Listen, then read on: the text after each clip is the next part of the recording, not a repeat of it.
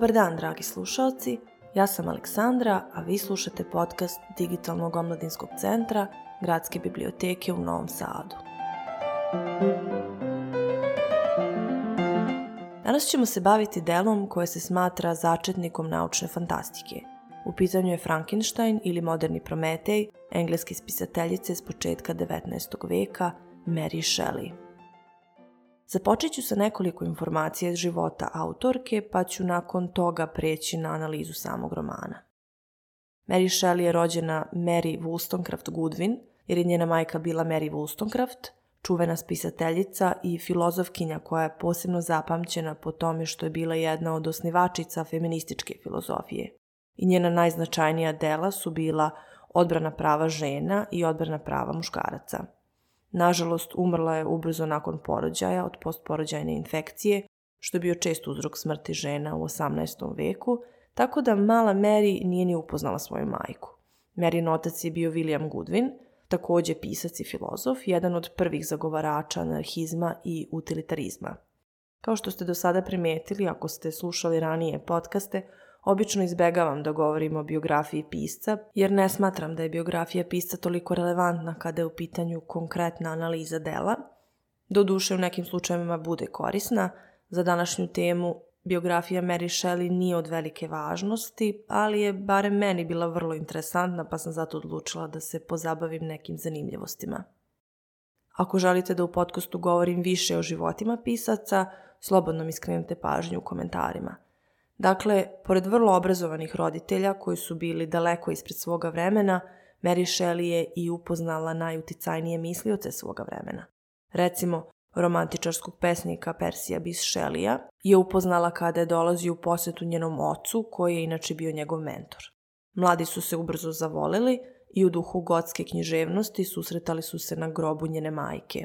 E sad, pazite ovo. Percy je tada bio oženjen, ali se ipak usudio da kaže svom mentoru da želi da ostavi suprugu i živi sa mladom Mary koja je tada imala 16 godina, a Shelley je imao 22. Imajte u vidu da se ovo dešava 1814. godine i da je razvod praktično nemoguć, tako da kada je to čuo, William Goodwin ga je izbacio iz svoje kuće, ali to nije zaustavilo mlade ljubavnike i Mary i Percy su pobegli u Francusku i poveli sa sobom Merinu polusestru Claire Claremont. Sve ovo znamo iz dnevnika koji su vodili Mary i Percy i koji su sačuvani. Pa isto tako znamo da je Shelleyev otac ukinuo sinu privilegije kada je saznao kako je napustio suprugu, tako da kada im je za par meseci ponestalo novca, vratili su se u Englesku, a venčali su se nakon samoubistva Shelleyeve prve žene, Harriet, 1816. godine. Kako ste možda mogli da pretpostavite, polusestra Claire Clermont, koju su poveli sa sobom u Francusku, je takođe ubrzo postala Šelijeva ljubavnica, što je Mary smetalo, iako je bila prilično liberalna za svoje vreme i u principu se slagala sa Persijevom teorijom o slobodnoj ljubavi. Ali vragolasta Claire je imala veće ambicije, pa je zavela nikog drugog do lorda Georgea Gordona Byrona – I nećete verovati, ali ovo je zapravo važan moment u priči jer je Claire zaslužna za formiranje slavnog književnog kružoka Goodwin, Shelley, Byron. Dakle, u maju 1816. Claire nagovara Mary i Persija da krenu za Byronom u Ženevu i čitava družina se sastaje kraj Ženevskog jezera. Byron je iznajmio vilu Diodati, a Shelley manju kuću u blizini. Sa Byronom je bio i njegov lekar John William Polidori, kojeg sam spominjala u podcastu o vukodlacima i vampirima, zato što se njegovo delo Vampir smatra prekretnicom u predstavi vampira u književnosti i u popularnoj kulturi. Ako vas ta tema zanima, nemojte propustiti da poslušate podcast. A sada da se vratim na glavnu temu. Dakle, Kako ih vreme nije poslužilo, jer je često padala kiša, provodili su dosta vremena u kući razgovarajući, a večerima su sedeli kraj velikog kamina u vili i prepričavali strašne priče. Tada je Byronu palo na pamet da svako od njih napiše po jednu strašnu priču i tada se Mary Shelley dosetila, inspirisana jednim njihovim razgovorom o galvanizmu, da bi bila zanimljiva horor priča o oživljenom lešu. Tako da je ona planirala da napiše kratku horor priču, ali je Šelija ideja oduševila, pa joj je on podstakao da proširi i napiše roman. I to je u suštini poznata anegdota o tome kako je nastalo ovo delo. Percy i Byron su, kako i sama Mary kaže, kao veliki pesnici, nisu bili posebno inspirisani proznom formom, tako da se iz takmičenja nije izrodilo važnije delo, međutim, Byronova priča o vampiru, koja je kasnije objavljena pod naslovom Fragment – je inspirisala onda Polidorija da napiše svoj roman Vampir, koji je objavljen 1819. godine i čiji je glavni junak, kako se veruje, inspirisan Lordom Gordonom Byronom. Još jedna interesantna činjenica je i to što je roman Frankenstein ili Moderni Prometej prvo objavljen anonimno u januaru 1818. godine. I pogodite šta se dogodilo, kritičari su zaključili da je roman napisao njen muž, Percy Bysshe Shelley. Čak su i to što je delo posvećeno Williamu Goodwinu, Merinom ocu, smatrali potvrdom da je napisao Shelley jer mu je Goodwin bio uzor i mentor. I nije im ni palo na pamet da je Mary posvetila svoju knjigu svom ocu. Tek na drugom izdanju stoji Merino ime, a za treće izdanje ona piše novi predgovor u kojem potvrđuje autorstvo i ističe da je Percy samo lektor i pisac predgovora. Nakon Persijeve smrti, Mary nastavlja da piše i u velikoj meri se izdržava od svog pisanja, ali njena dela su prilično skrajnuta i kao žena pisac bila je gotovo zaboravljena. Međutim, Frankenstein je opstao i u poslednje vreme kritičari počinju ozbiljnije da se bave njenim kompletnim stvaralaštvom. O maštovitosti i genijalnosti Mary Shelley govori nam i činjenica da nema mnogo priča iz istorije književnosti pre njenog vremena koje su mogle da inspirišu i utiču na njeno delo. Jedina priča koja se bavi oživljavanjem nežive materije i koju kritičari navode kao moguću inspiraciju je mit o Pigmalionu ili recimo kada je u pitanju sam lik čudovišta, javlja se poređenje sa likom Kalibana u Šekspirove buri. Mary Shelley je sigurno bila upoznata sa Šekspirovim delima i grčkom mitologijom, ali je pitanje koliko su zaista ta dela uticala na njen roman. Ja bih rekla da ako i jesu, da je to bilo vrlo minimalno, U mitu o Pigmalionu genijalni vajar izvaja savršenu žensku figuru u koju se zaljubi i nazove je Galatea, pa se Afrodita smiluje na njega i oživi skulpturu. Mit je sačuvan u Ovidijevim metamorfozama. Ja moram priznati ne volim ovaj mit, jer pored težnje ka savršenstvu, božanskoj lepoti, umetnosti, talentu, što su sve teme kojima se mit bavi, prosto ne mogu da pređem preko toga koliko je priča degradirajuća i za žene i za muškarce. Ali to je zato što mi je teško da se ogradim i ne posmatram priču kroz iskustvo 21. veka, što je problematično posebno kada je tako veliki i vremenski i društveno-kulturološki jaz. Sve u svemu, ako bih čitala Frankensteina imajući u vidu mito Pigmalionu, doživala bi ga kao kritiku ili parodiju mita, jer uživljavanje Galateje je božanski čin – postaknut ljubavlju. Pigmalion nema ambicije da stvori čoveka, već da stvori savršeno umetničko delo, u koje se onda zaljubljuje, dok u romanu naučnik Frankenstein želi da upravlja životom, želi da upravlja smrću i poput Prometeja i Lucifera suprostavlja se i prirodnim i božanskim zakonima i postaje stvoritelj. A njegova ambicija i genijalnost nisu nagrađeni, već su kažnjeni, jer ne stvara savršenstvo, već stvara čudovište. Kad je u pitanju Šekspirov Kaliban, još manje vidim vezu sa romanom. Kaliban je polučovek, polučudovište, sin veštice Sikoraks. Kada Prospero zauzme ostravo, Kaliban pokuša da siluje njegovu kćerku i onda Prospero za kaznu od njega učini roba. Jedina veza sa Frankensteinovim čudovištem je u tome što je Kaliban opisan kao izrazito ružan, sa neljudskom fizionomijom i u drami od početka predstavljen kao zao. A da li je Frankensteinovo čudovište uopšte na početku zlo je pitanje i bavit ću se time detaljnije malo kasnije. Postkolonijalna kritika se pitala i da li je Kaliban zao ili je u pitanju kolonijalna svest Prospera, pa je lik Kalibana tumačeni kao otelotvorenje rasizma i imperializma, čak mu i ime podsjeća na kanibal i karipski. Govorila sam više o postkolonijalnoj kritici i imperializmu u podcastu u kojem sam tumačila roman Gospodar Muva, tako da su to potpuno druge teme koje nas odlače od priče, a o Šekspiru ću nekom drugom prilikom sigurno govoriti, ali mit koji jeste uticao na roman i koji se nalazi u samom podnaslovu je mit o Prometeju. Postoji nekoliko različitih verzija mita, ali suština je u tome da je po grčkoj mitologiji Prometej stvorio ljude od gline. I pošto je video njihov potencijal, suprostavio se Zevsu tako što je ukrao vatru i dao je ljudima, zbog čega su ljudi napredovali. To se naravno nije dopalo Zevsu, pa je on kaznio Prometeja. Mary Shelley svojim romanom doprinosi čitanju mita time što mu daje modern obrat, kako bi upozorila čovečanstvo, postavljajući pitanje dokle nauka i tehnologija mogu da napreduju i šta uopšte može da se izrodi iz svega toga. Nešto poput epizode serije Black Mirror. Ako niste gledali seriju, tople preporuke. Prometej predstavlja hrabrost, čoveku ljublje, težnju za slobodom i progresom. I u vreme kada Mary Shelley piše ovaj roman, dakle početak 19. veka, Vera u nauku i progres da će znanje da nas spase, da nas izvuče iz zatucanosti, siromaštva i praznoverija, je na svom vrhuncu. Nakon svetskih ratova dolazi do krize i razočaranja u nauku, ali u Merino vreme dešavaju se mnoga naučna otkrića, ona od najvećih su parna mašina pa parna lokomotiva, i ono što je najvažnije za sam roman, elektricitet i korištenje elektriciteta u lečenju. Upravo tom metodom Frankenstein oživljava svoje čudovište, iako nam naravno nisu dati nikakvi detalji. Danas znamo da je Frankensteinova metoda u nauci opovrgnuta i prevaziđena, ali napreci u polju bioinženjeringa i robotike ponovo vraćaju aktuelnost ovim pitanjima, a ono što je važno jeste teza koju zastupa Mary Shelley, da postoji znanje koje je opasno i koje ljudi možda ne bi trebalo da posjeduju, jer misterija života je ono što definiše čoveka i čovečanstvo.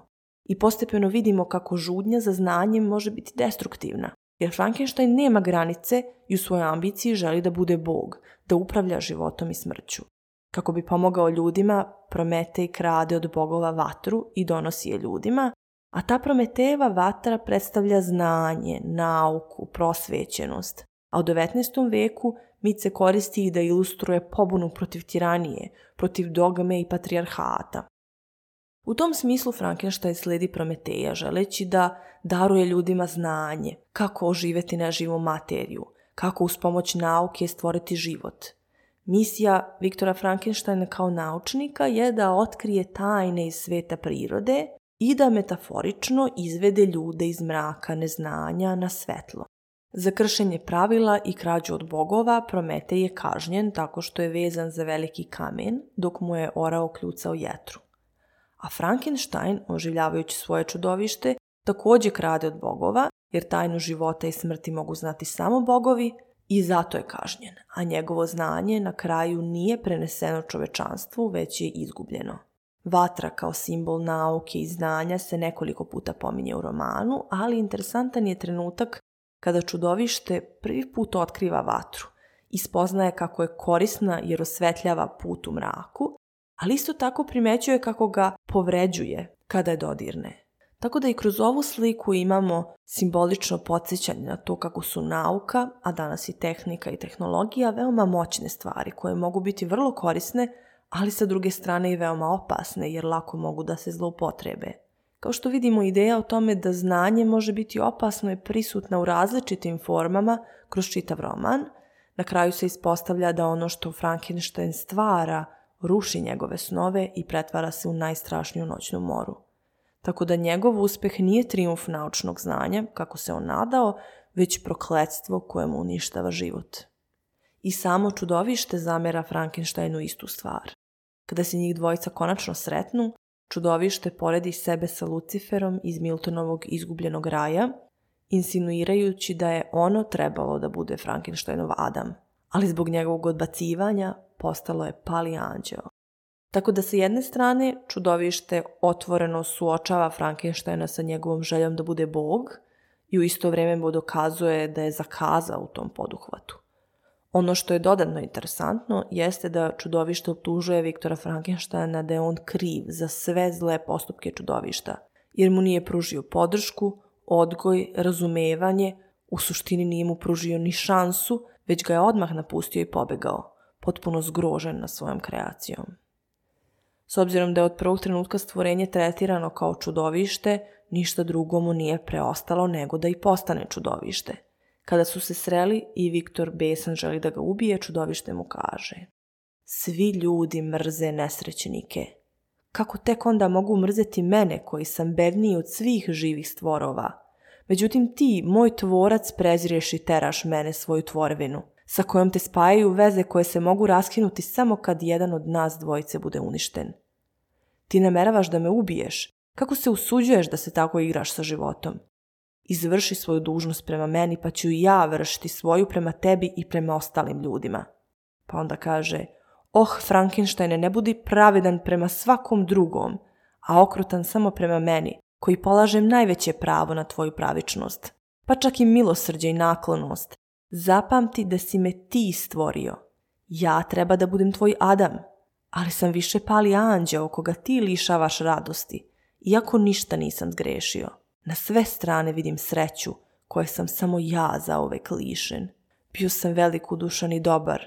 Nevolja me učinila rđavim. Kada konačno dobijemo uvid u iskustvo Frankensteinovog čudovišta, otkrivamo vrlo bitan sloj romana koji govori o otuđenosti i usamljenosti odbačenog stvorenja, koje zbog svoje spoljašnjosti, odnosno zbog svog fizičkog izgleda, nije u mogućnosti da uspostavi vezu ni sa jednim drugim živim bićem na samom početku njegovog života sam Frankenstein je u potpunosti zgrožen nad svojom kreacijom i napušta ga, nakon čega stvorenje kreće u svet. I svaki put kada ljudi sa strahom i gađenjem reaguju na samu njegovu pojavu, osjećaj drugosti i samoće raste. Veruj mi, Frankenstein je bio sam dobar, srce mi je bilo prepuno ljubavi i čovečnosti, ali zar nisam usamljen, nesrećno usamljen? Ti, moj tvorac, gnušaš me se, Čemu onda mogu da se nadam od ostalih ljudi koji mi ništa ne duguju?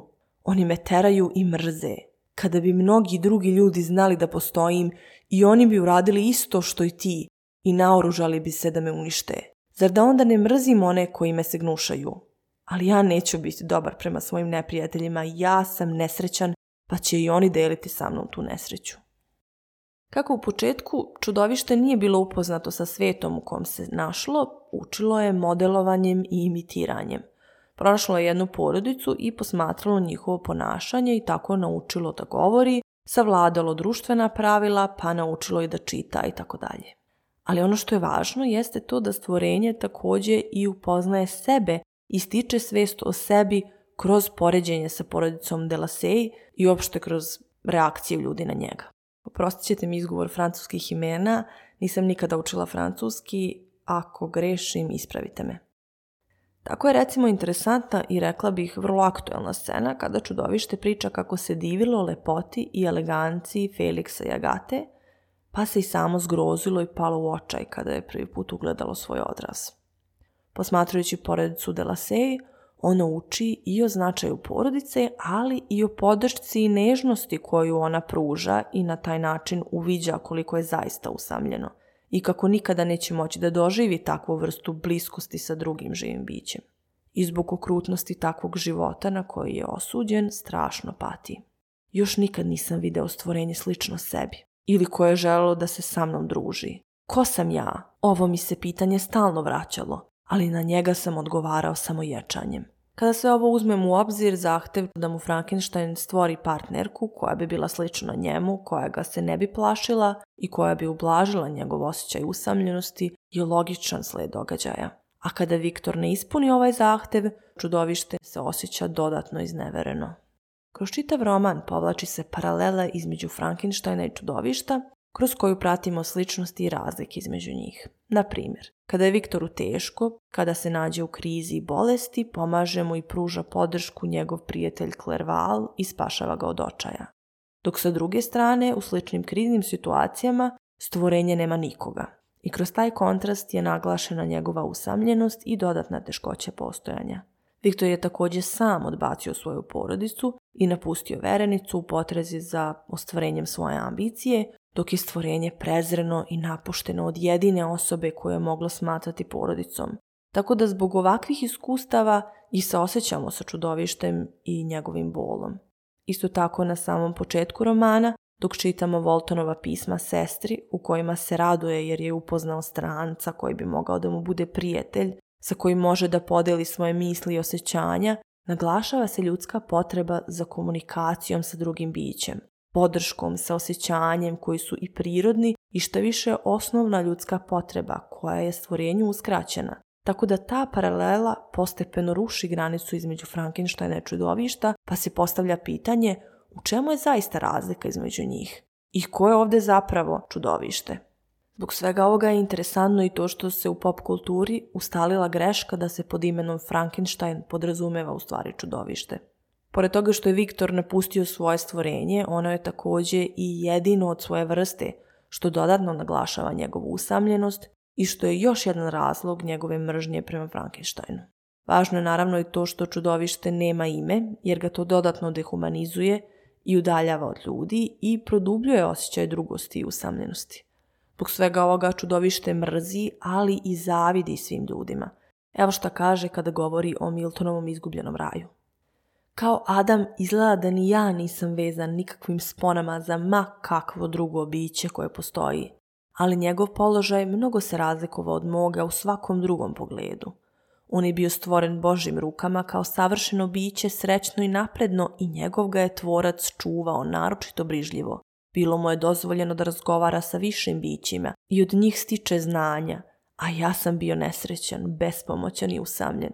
Mnogo puta sam smatrao da je Sotona bio simbol koji je bolje odgovarao mom stanju, jer se često u meni kao i u njemu rađala žučna zavist kad sam posmatrao sreću svojih zaštitnika. Kao što vidimo, čudovište osjeća da su ljudi nepravidni prema njemu.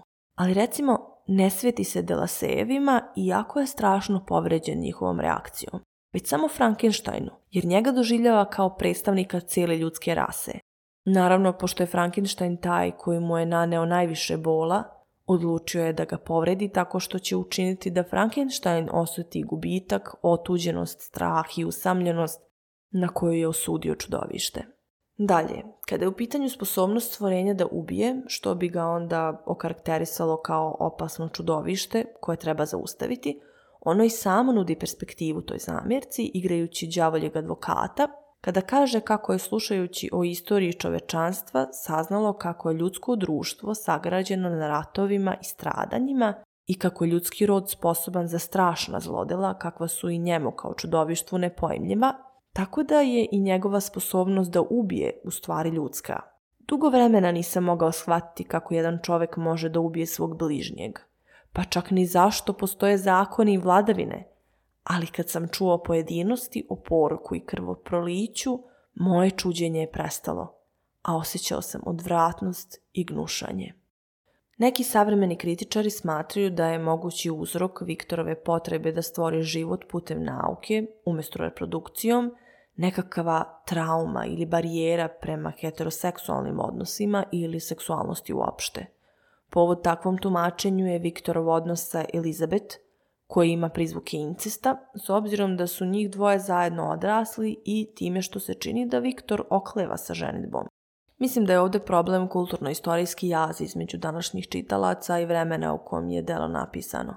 U vreme Mary Shelley, recimo venčanje bliskih rođaka, poput braća i sestara od strica, ujaka ili tetke, su bili česta pojava i nisu smatrani problematičnim. Viktor i Elizabet sa te strane ne krše nikakav moralni ili društveni zakon – Takođe, druge veritbe su isto bile praksa, jer se dešavalo da se mladi zavole ili da je brak ugovoren dok su još jako mladi, pa se onda čekalo da sazru i da mladić izgradi karijeru i obezbedi svoju budućnost da bi mogao da izdržava porodicu.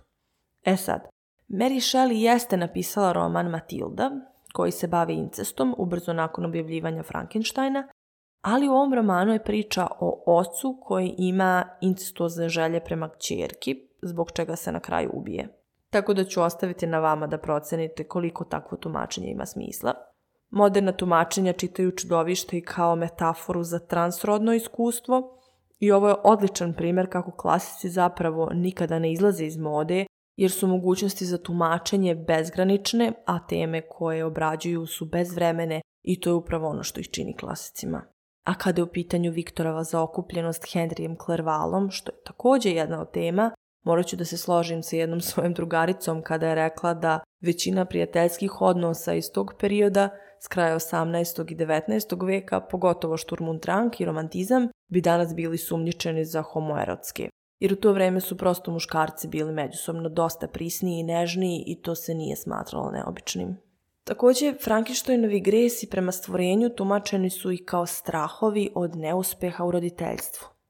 Šta se po tim misli? Dakle, Frankenstein je u neku ruku roditelj stvorenja, jer ga je stvorio, ali je u potpunosti zakazao u toj ulozi jer ga je napustio. Na kraju mu njegovo, pod navodnicima, dete prebacuje i sveti se zbog toga. Dakle, njihov odnos može da se tumači kao strah i anksioznost koja prati mlade neiskusne roditelje, anksioznost vezana za trudnoću, porođaj i majčinstvo uopšte, Pogotovo ako uzmemo u obzir autorkino iskustvo iz te oblasti koje je bilo vrlo tragično.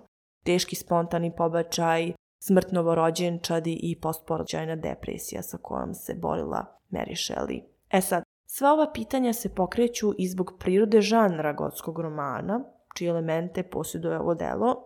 Činjenica je da su unutar žanra Nadprirodni misteriozni horor elementi iz psihološkog ugla često predstavljali sublimaciju potisnute seksualnosti ili neke difunkcionalnosti u porodici. Dakle, ovaj roman je u isto vreme i gotski roman, i horor, i prvi roman naučne fantastike.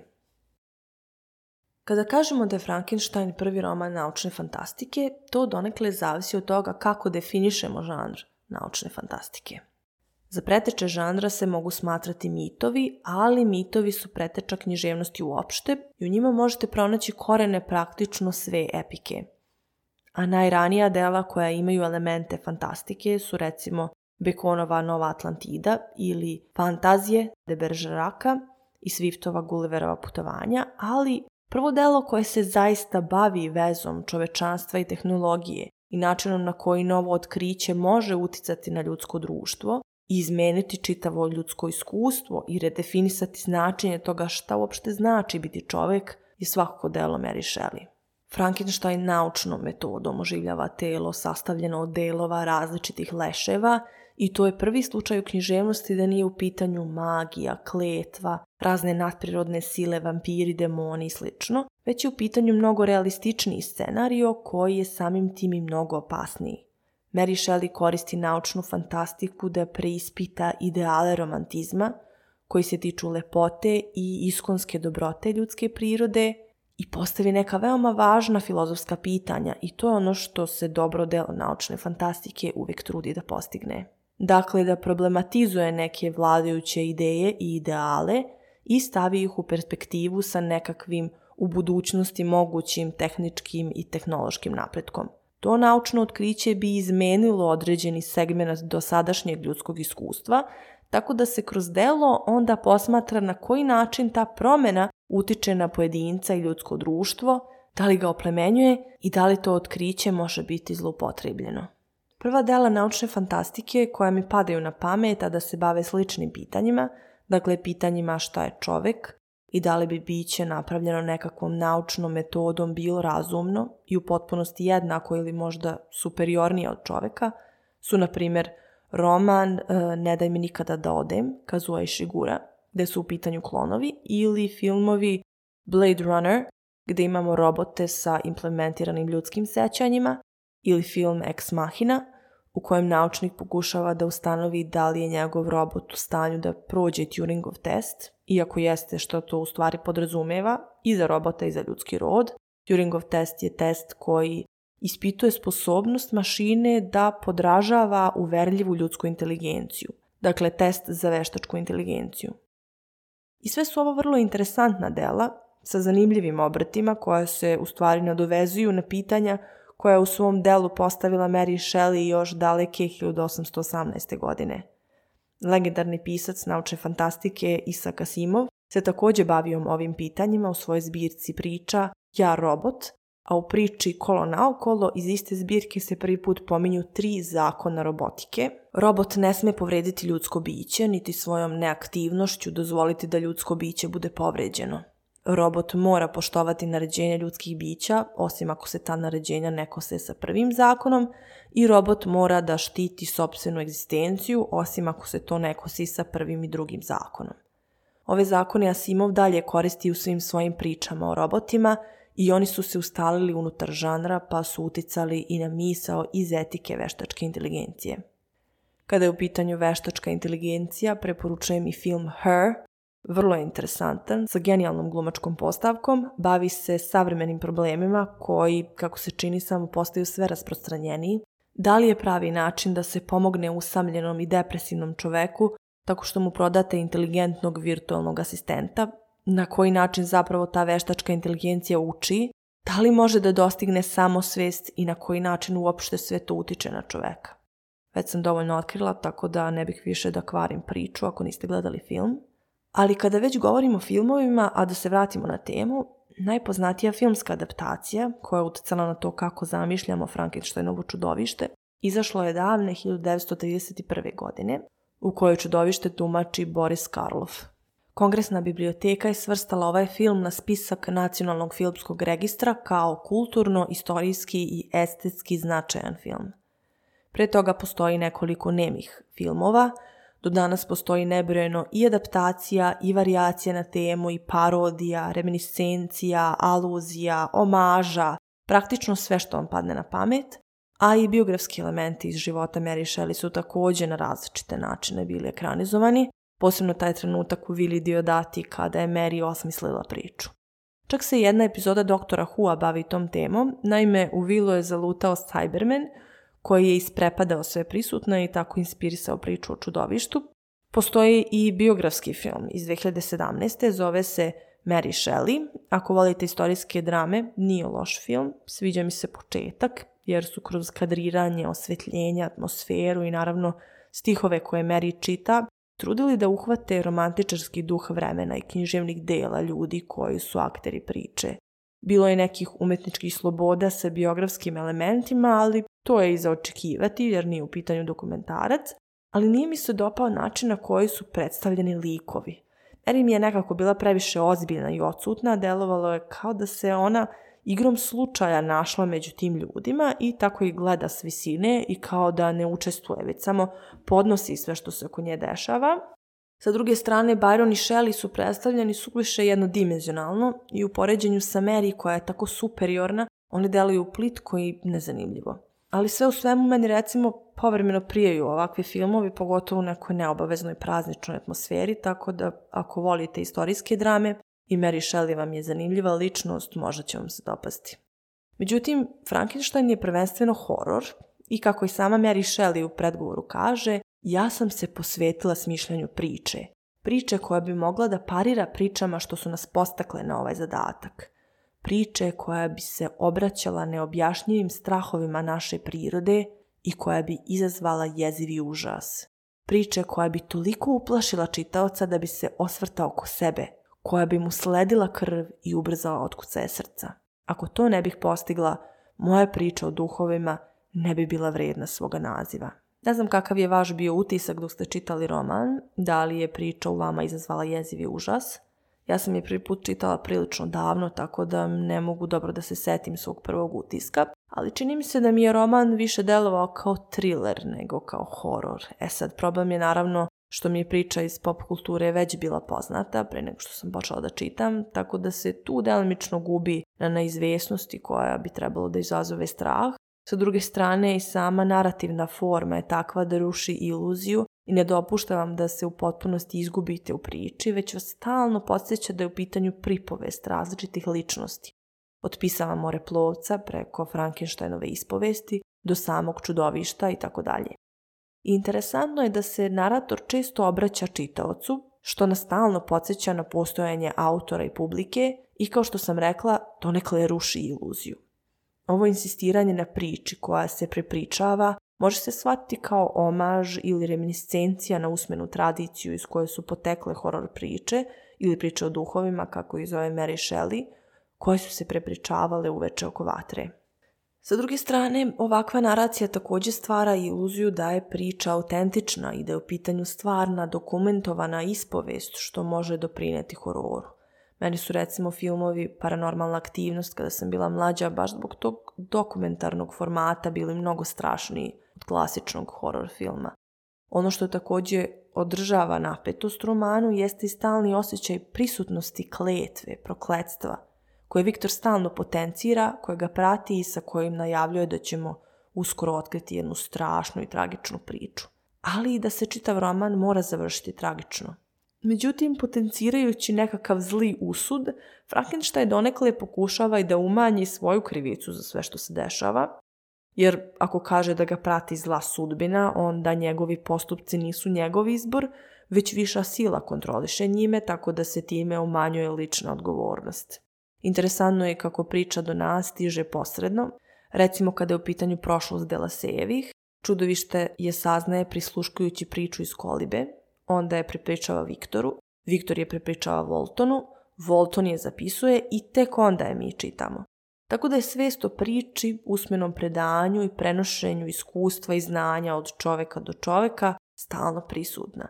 I pored toga što ovakvo pripovedanje ističe značaj povezanosti ljudi i koliko zapravo svi jedni od drugih zavisimo i koliko se oslanjamo jedni na druge, isto tako stvara se i određena distanca od samog izvora priče – što naglašava osjećanje otuđenosti, izopštenosti i usamljenosti koja se provlači kroz čitav roman. Na samom kraju, kada čudovište konačno ubija Frankensteina, ono strašno tuguje, jer je sve moralo tako da se završi. I na kraju shvata da je i njemu vreme da umre, jer je jedina osoba koja je poznavala njegovu istoriju, jedina osoba sa kojom je imalo bilo kakvu konekciju, iako su se mrzeli, sada mrtva. I to je zaista beskreno tužno ako vam je najveći neprijatelj zapravo i jedini prijatelj. I kada svoje postojanje definišete u odnosu na tog neprijatelja. Jer na to su se na kraju sveli životi i Viktora i čudovišta. Evo šta na kraju kaže čudovište o sebi. Nekada sam se uzalut nadao da ću sresti bića koja će me voleti zbog divnih osobina koje sam u stanju da ispoljim, praštajući mi moj spoljni izgled Bio sam nadahnut velikim mislima o časti i odanosti, ali sada me zločin spustio ispod najgore životinje. Nijedna krivica, nijedno delo, nikakva zloba i nikakva nesreća ne mogu se porediti sa mojima. Kada se setim svih svojih strašnih grehova, ne mogu da verujem da sam ja ono isto stvorenje čije su misli nekad bile pune divnih i uzvišenih snova o lepoti i izvanrednoj dobroti. No baš je tako. Pali anđeo postaje zlobni đavo, a ipak čak i taj neprijatelj Boga i čoveka ima prijatelje i drugove u svojoj nevolji, a ja sam usamljen. Još to šta bi se moglo reći o istoriji lepote i istoriji ružnog, te o tome koliko ulogu zapravo fizički izgled igra u ljudskoj interakciji i kako je za čudovišta zapravo najveća kletva to što je ružno, ali ovaj podcast se već previše odužio pa ću o tome govoriti nekom drugom prilikom. Vratite pažnju na Instagram profil Digitalnog omladinskog centra gde ću postaviti glasanje za temu sledećeg podcasta. Ako imate neke sugestije, pitanja i komentare, slobodno nam pišite na gbns.doc.gmail.com. Želim vam srećne božićne i novogodišnje praznike, uživajte u čitanju i čujemo se ponovo u novoj godini.